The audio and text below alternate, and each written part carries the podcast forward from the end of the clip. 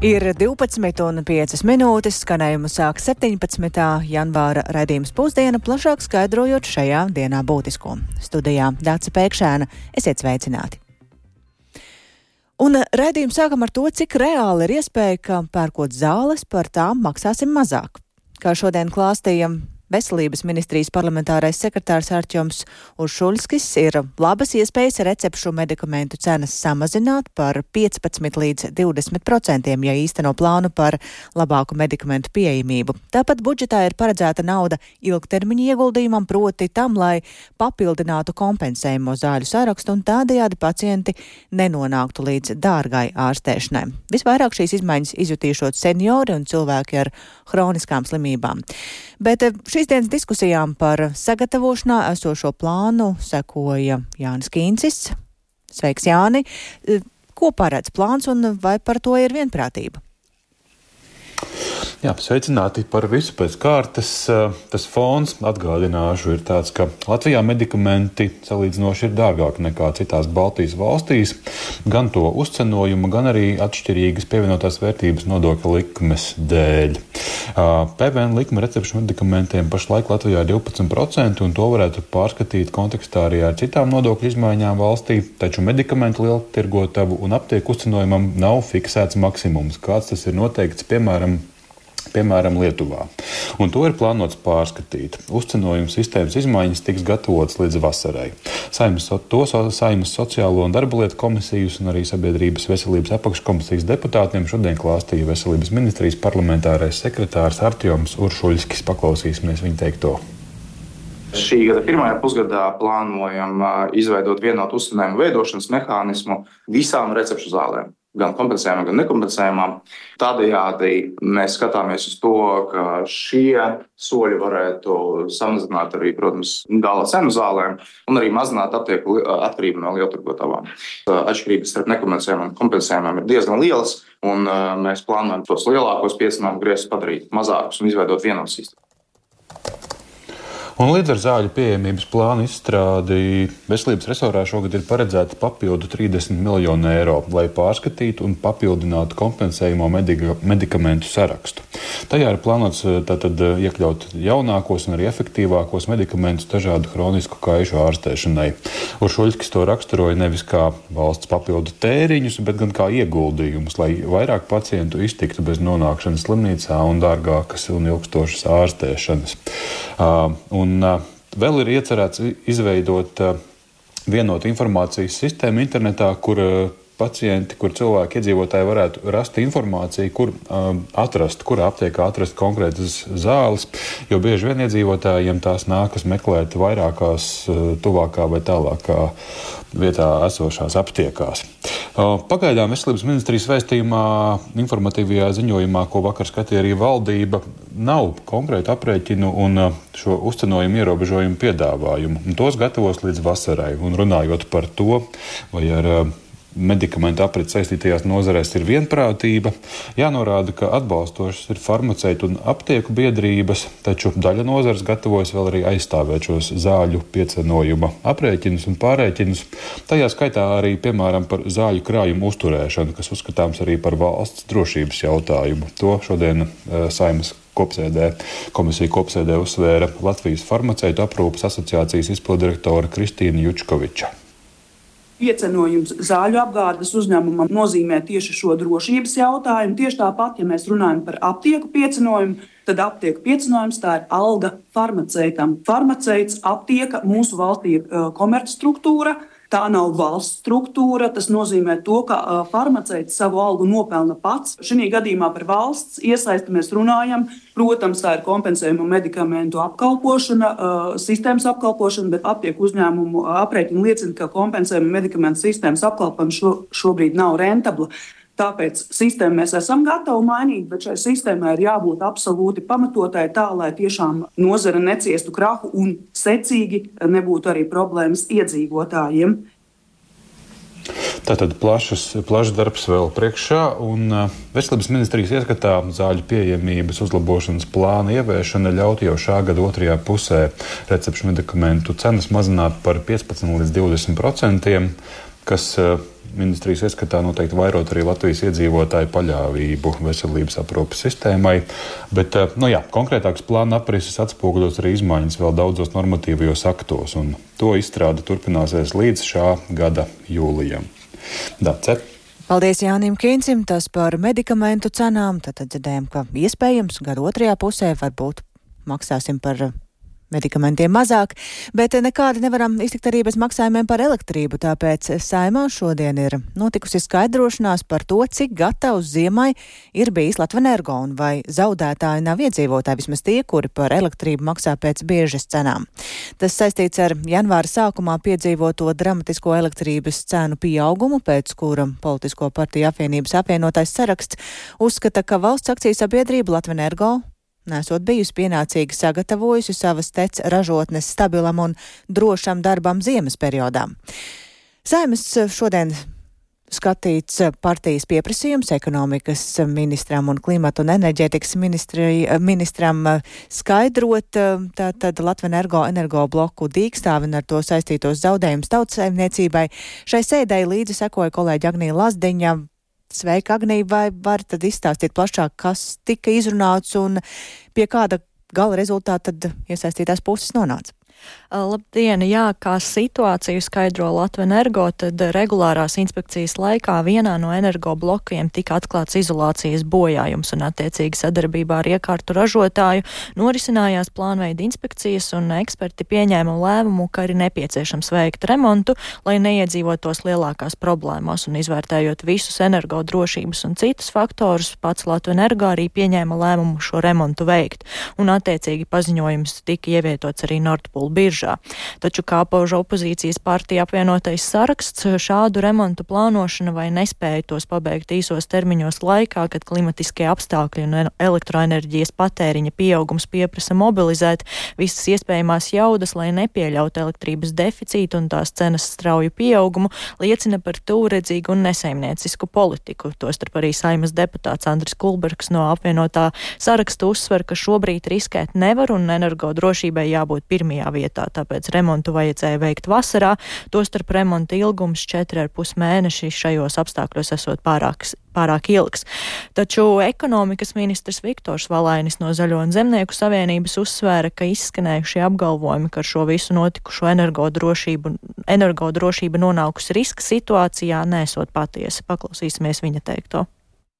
Tas, ka tečus remontē ziemā, tā nav normāla ierasta parādība. Tas manā ieskatā tā ir varbūt tikai un vienīgi ekstrēma situācija. Tā nevar būt ierastā prakse. Un šajā brīdī tā ekstrēmā situācija ir iestājusies. Un tas, kas mums būtu jādara, mums būtu jāstrādā un no šīs situācijas jāmācās, lai ilgtermiņā skatoties uz priekšu, mēs risku menedžmentu veidot tā, ka spētu ieprognozēt arī pēc iespējas ātrāk, lai arī novērstu šādas situācijas, kas var izveidot izveidoties. Un, un šīs ir tematiskās apkopes, kas ir jāveic. Un viens no tematiskās apkopes ietvaros, kas tieši notikās arī rudenī, tika fiksēts tas, ka ir jāveic papildus remonta darbi, kas ir tikuši veikti, šobrīd jau šīs iekārtas darbojās.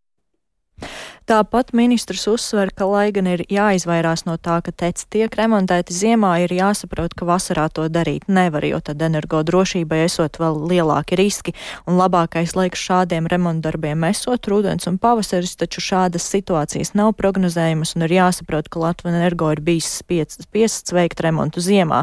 Kā arī ministrs norādīja, ka skatoties no iedzīvotāju puses šādos pīķos 92% mājsaimniecību, kas ir elektrum klienti, šiem cilvēkiem ir fiksētie līgumi, līdz ar to šie pīķi viņiem neko nenozīmē, jo savukārt ietekmējot visvairāk tieši tos cilvēkus, kuriem ir mainīgā likme, bet pēc ministra domām tie arī ir šie cilvēki, kas seko līdzi un uh, visam notiekošajiem biržā un elektrolietošanas paradumus pielāgotam.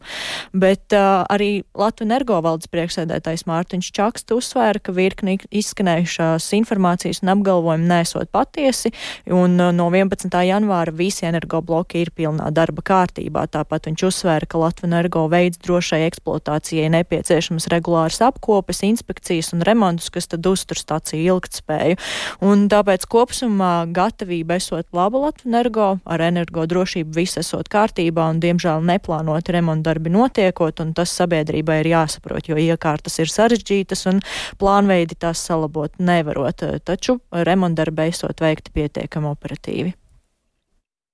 Es domāju, ir priekšvēlēšana periods pirms Eiropas parlamenta vēlēšanām. Vēl ir jāsaka, protams, ka enerģētika nav vienkārši izprotama. Nu, ir jābūt padziļinātām zināšanām, lai saprastu visus notikumus, lai mācītu arī šo pašu Nordpūlu biržas paziņojumus eh, interpretēt pareizi. Tā kā es domāju, ir labi, ka tāda interese un, un uzmanība tiek uzrādīta. Šobrīd absolūti nav par ko uztraukties. Ja kāda arī bīstamības situācija tuvotos, augstsprieguma tīkli būtu tie, kas par to ziņot un, un informētu sabiedrību.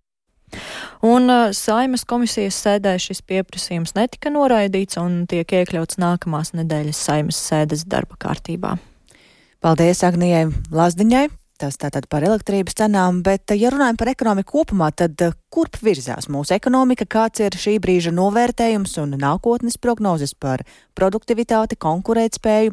Tās ir dažas no lietām, ko parāda arī Latvijas Universitātes produktivitātes zinātniskā institūta ekonomikas barometrs, un tā rezultātus tieši šobrīd prezentē plašākai sabiedrībai, bet kā šorīt redzījumā labrīt kolēģim Kristapam Feldmanim atzina profesore Inna Steinbuka, tad eh, Komentējot šos datus, mums joprojām ir augstas cenas, augstas banku procentu likmes, kas ietekmē privāto patēriņu un eksportu, tāpat arī produktivitāte sasniedz vien nepilnas divas trešdaļas no Eiropas Savienības vidējā, un arī šajā gadā ir jārēķinās ar lielu nenoteiktību ģeopolitiskās situācijas dēļ.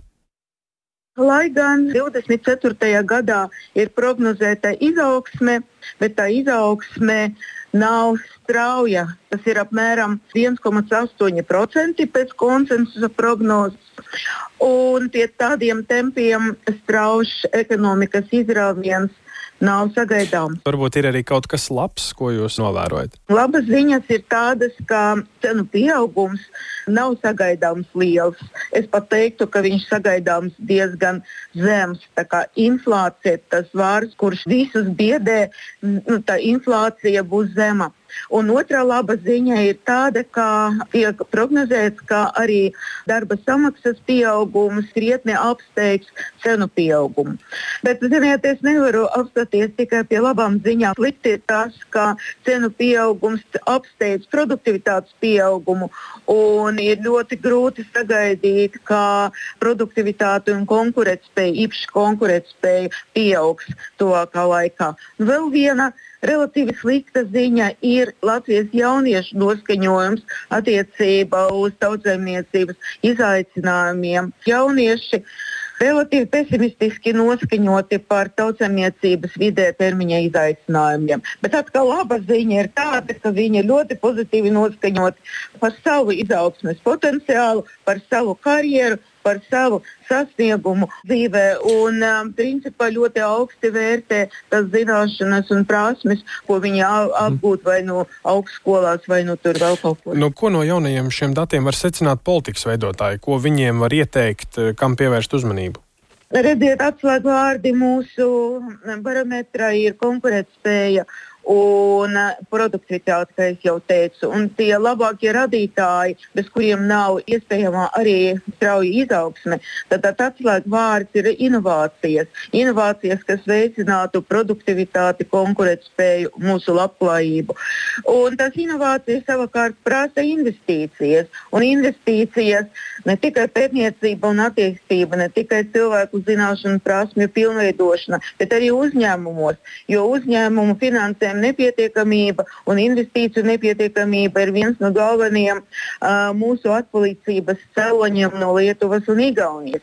Mhm. Mēs gribam ieteikt uh, radikāli izvērtēt vēlreiz budžeta izdevumus un ļoti efektīvi ieguldīt katru budžeta eiro un arī Eiropas Savienības fondu un atvesļošanas noturības mehānismu līdzekļus mūsu tautsēmniecība. Tas ir ļoti svarīgi un, protams, piesaistīt iesaistīt privāti investīcijas pēc iespējas.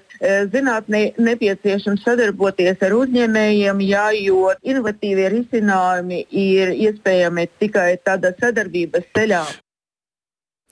Tas par mūsu ekonomiku un Latvijas Universitātes biznesa vadības un ekonomikas fakultātes profesors Inna Steinbukas teiktais, bet šodien ir publiskot arī oficiāli dati par Ķīnas ekonomiku, kas ir pasaules otra lielākā ekonomika. Un būtiskākais secinājums, ka Ķīnai pērn ir bijuši viena no sliktākajiem izaugsmas rādītājiem aizvadīto 30 gadu laikā, ja neskaitu pandēmijas krīzi. Tas saistīts gan ar kropļojošo krīzi nekustamo īpašumu sektorā, gauso patēriņu un globālajiem satricinājumu satricinājumiem. Plašāk Ķīnas ekonomika ir papētījis Rihards Plūme. Sveiks, Riharda! Saka, ko varam teikt par jaunākajiem rādītājiem Ķīnas ekonomikā? Jā, labdien! Nu, tas, kas ir galvenais avots, ko, kas eh, sniedz ieskatu pasaules otrās lielākās ekonomikas stāvoklī, ir Ķīnas iekšzemes koprodukta rādītāji. Eh, arī neskatoties uz to, ka tie ir eh, nu, izteikti politiski rādītāji. Kā zinām, arī dažus rādītājus Ķīna vairs nepublicē nemaz vispār. Un Ķīnas Nacionālais statistikas birojas atklājas, ka iekšzemes koprodukts pagājušajā gadā palielinājies līdz 5,2%, sasniedzot vairāk nekā 17,6 triljonus ASV dolāru Un, lai gan šie rādītāji ir labāki par noteikto um, Pekinas mērķi un labāki nekā dati par 2022. gadu, kad eh, strikti pandēmijas ierobežojumi postīja ekonomiku, tomēr tie ir vājākie pēdējo 30 gadu laikā, ja neņemam vērā šos te pandēmijas gadus. Nu, piemēram, vēl pēc 2010. gada izaugsme bija aptuveni 6 vai 7 procenti. Savukārt saskaņā ar muitas aģentūras publicētajiem skaitļiem valsts eksports, kas vēsturiski ir galvenais izaugsmas virzītājs spēks Ķīnai. Eh, tas pagājušajā gadā samazinājās pirmo reizi kopš 2016. gada. Eh, nedaudz ir pieaudzis arī eh, bezdarbs, un šajā ziņā situācija nav laba tieši jauniešu vidū. Tāpat pasliktinās rādītāji mazumtirdzniecībā. Statistika nav iepriecinoša arī par Ķīnas iedzīvotāju skaitu. 2023. gadā tas samazinājās otro gadu pēc kārtas, un kritums bija vairāk nekā divas reizes straujāks nekā 2022. gadā. Un Ķīna tagad mēģina novērst demografisko krīzi, veicinot dzimstību ar subsīdijām un propagandu. Tieši uz šo te daudzskaitlīgo darba spēku Ķīna bija paļāvusies kā uz ekonomikas izaugsmes dzinuli. Un tāpat joprojām riski saglabājas arī nekustamo īpašumu tirgu, kas vismaz divas desmitgades ir eh, veidojis aptuveni ceturto daļu Ķīnas ekonomikas. Tur nedēļas turpinās joprojām. Un Davusā notiekošajā Pasaules ekonomikas fórumā Ķīnas premjeras Līts Jans eh, centās pārliecināt klātesošos, eh, ka Ķīnas ekonomikai tomēr sokas labi. Paklausīsimies nedaudz, ko viņš teica. 另外，Ķīna ir būtisks globālās attīstības dzinējspēks. Pērn ekonomika atguvās un pieauga līdz aptuveni 5,2%, augstāk nekā pērnā gada sākumā nospraustais 5% mērķis. Lai veicinātu ekonomiku, mēs neķērāmies pie milzīga stimula. Mēs nemeklējām īstermiņa izaugsmi, akumulējot ilgtermiņa riskus. Tā vietā koncentrējāmies uz iekšējiem dzinējspēkiem. Ķīnas ekonomika var pārdzīvot gan kāpumus, gan kritumus. Jā, nu Ķīnas premjera runā gan bija saklausām arī cītīgi mudinājumi investoriem investēt Ķīnā, norādot, ka Ķīna ir plaši atvērta biznesam, un tāpat eh, premjeras mudināja pasauli novērst eh, šķēršļus konkurencē. Un kopumā sakāms, ka, lai gan pēc pandēmijas Ķīnas ekonomika sāka strauji atkopties, tomēr tagad šī atvesaļošanās ir teju apstājusies, un uh, gan iepriekš minētie faktori, gan arī ģeopolitiskā spriedze ar ASV un uh, vēl arī dažu rietumvalstu centieni samazināt atkarību no Ķīnas vai dažādot piegādes ķēdes, tas viss joprojām negatīvi ietekmē šīs Āzijas valsts izaugsmi. Un šie apstākļi liks Ķīnas valdībai noteikti izvērst aktīvākas darbības, un analītiķi pieļauj, ka nopietnu ekonomikas pātrinājumu šogad var radīt vienīgi vai nu liels globāls augšupējošs pārsteigums, vai arī nu, paša, pašas Pekinas aktīvāka politika. Un ekonomisti Ķīnai šogad paredz viduvēju izaugsmi. Mm -hmm. Paši Ķīnas līderi marta sākumā noturēs slēgtu sanāksmi un tur apspriedīs ekonomikas mērķus un izstrādās arī plānus šim gadam, un līdz tam jau Jā. varētu būt zinām arī kādi pavadieni, kas tad tie par plāniem būs. Jā, paldies Rihardam Plūmēm par stāstījumu par Ķīnu, bet par uh, augstumu, kas ir pie mums, ar ko ir jārēķinās augstumā tiem, kam ir elektroauto. Un, ja termometrs stabiņš aiz loga noslīd vismaz zem mīnus 10 grādu atzīmes, tad vispirms jau jāņem vērā, ka attālums, kuru var nobraukt ar uzlādētu auto bateriju, būtiski sarūks. Tā saka Latvijas radio aptaujātie eksperti. Tad um, nobraukums atkarībā no elektroautomodeļa un spēkrata vecuma ziemas spēlgonī var samazināties līdz pat 40%. Kādas vēl nianses jāņem vērā, to vairāk Lindas Zalāns ierakstā. Ziemās, kad gaisa temperatūra pazeminās zem 10 grādu atzīmē, tad elektroautorāta patērē samērā daudz enerģijas, lai uzsildītu auto salonu. Līdz ar to krītas maksimālais nobraukums, kādu ar šo auto var veikt. Un tas ir vidēji par apmēram 30 nu, varbūt 40%, kā tas ir vasarā. Jā. Vēl viens aspekts, kas ziemās ietekmē elektroautorāta nobraukuma parametrus, ir akumulātoru jauda. Nu, ja mums ir mīnus 10 grādi, tad viņš ne tikai silda salonu, lai uzturētu mums pašiem komforta temperatūru, bet viņš arī silda šo akumulātoru, lai tas sasniegtu. Nu, vidēji saka, ka tas labākais ir plus 21 grāds. Nu, tad viņš mēģina panākt šajā braukšanas laikā, kad arī tas akumulators ir uzsilis un tas patēriņš tajā brīdī samazināsies. Tomēr kopumā elektruma eksperts Korsaks Mils ir pārliecināts, ka braukšana ar elektroautorātu lielā salā lielas problēmas nerada. Esmu notestējis jau vairāk kā 50 dažādas elektroautorātus, gan vasaras, gan ziemas režīmā. Tā viena no galvenajām elektroautorātu priekšrocībām ir tā, ka ziemā nu, ar startu problēmām vispār nevajadzētu būt, jo mums nav nepieciešams griezt startu, dzinēju nav degvielas, kas, piemēram, var sasākt. Turklāt Latvijā klimatiskie apstākļi, viņa prāt, ir labi. Pavasaris, vasara, rudens ir ar mērenu vidējo temperatūru, un tā baterijām ļoti patīk. Savs vērtējums ir tehnoloģija ekspertam portāla kursors.lv galvenajam redaktoram Kristapam Skutelim, kurš šajā ziemā pirmo reizi izmēģina elektroauto priekšrocības un mīnusus. Viņš elektroauto iegādājās pirms trīs mēnešiem. Nu, tāda sava pašiniciatīvas veidot eksperimenta nolūkos. Es gribēju saprast, kāda veida elektroautorātu mēs vispār varam iegādāties. 15,000 eiro vērtībā, vai ar to vispār kaut ko var aizbraukt. Un sagaidot ziemas spēlgoni, skutelim ir savi secinājumi. Nu, kamēr temperatūras bija virs nulles, tikmēr tā situācija bija diezgan normāla, bet līdz ko temperatūra noslīdēja zem 10, zem 20 grādiem, tad tās nobraukuma iespējas būtiski, būtiski samazinājās. Nu, uz pusi Un es teiktu, ka, ja nu, stabili mīnus 20 un vairāk grādi, nu, tad būs jā, ap 100 km varam nobraukt. Skutelis gan paskaidro, ka viņa elektroautorāta nav jaunākās paudzes un ir ar samērā mazu akumulātoru. Tur tā eksploatācija paliek jau diezgan nu, sarežģīta. Tie pēdējie kilometri var izlādēties neparedzami strauji. Es domāju, ka vairumā gadījumu pārdevēji īpaši neraujas stāstīt par tām negatīvajām niansēm, kas. Igaunijas elektroauto uzlādes tīkla heliporta vadītājs Latvijā platformas uzlādēt.lv veidotājs Kārlis Menziņš uzsver vēl dažas nianses, ar kurām ziemās jārēķinās elektroauto īpašniekiem. Ja mēs vasarā esam pieraduši, ka atlaižot pedāli ir gan rīz vai pilna tāda jaudīga bremzēšana, tad varētu būt arī, ka mašīna izdomā, ka tajā viņi to nedarīs, jo viņi negrib to elektrību ņemt atpakaļ rekuperācijas režīmā. Atkal, lai saldētu bateriju. Jautāja Kārlim Menziņam, vai šīs nebūšanas kaut kā ietekmē arī apsvērumu par labu vai ne par labu elektroauto iegādēji. Automašīnas cilvēks nepērk praktisku apsvērumu dēļ. Pārsvarā tas notiek emocionālu apsvērumu dēļ. Un ja tajā brīdī kāds izlasa, ka tur ziņā saka, ka elektroautorāta viss slikti, sākot no septembra līdz pat maijam, nu, tad viņš arī nevēlēsies tajā brīdī pirkt savu elektrisko mašīnu.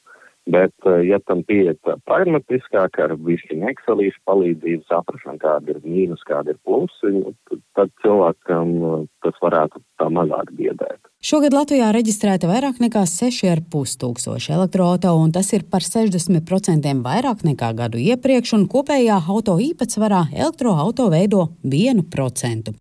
Ceļu satiksmes drošības direkcijas pārstāvis Pauls Beinerovičs prognozē, ka nākotnē elektroautorātu skaita pieauguma dinamika nebūs tik strauja kā pēdējos trīs gados, tomēr pieaugums būs vērā ņemams. Pieticīgi prognozējot, es domāju, ka 30. gadu mums varētu būt ap 60 tūkstoši elektromobīļu. Latvijas radio aptaujātie eksperti ir viensprātis, ka pat labam uzlādes infrastruktūras attīstība vairs nav šķērslis elektroautorāta skaita straujākam pieaugumam, bet galvenais bremzējušais faktors ir cilvēku rocība. Turklāt Latvijā elektroautorāta segmentā vēl nav attīstījies otrreizējais tirgus. Linda Zalāne, Latvijas radio.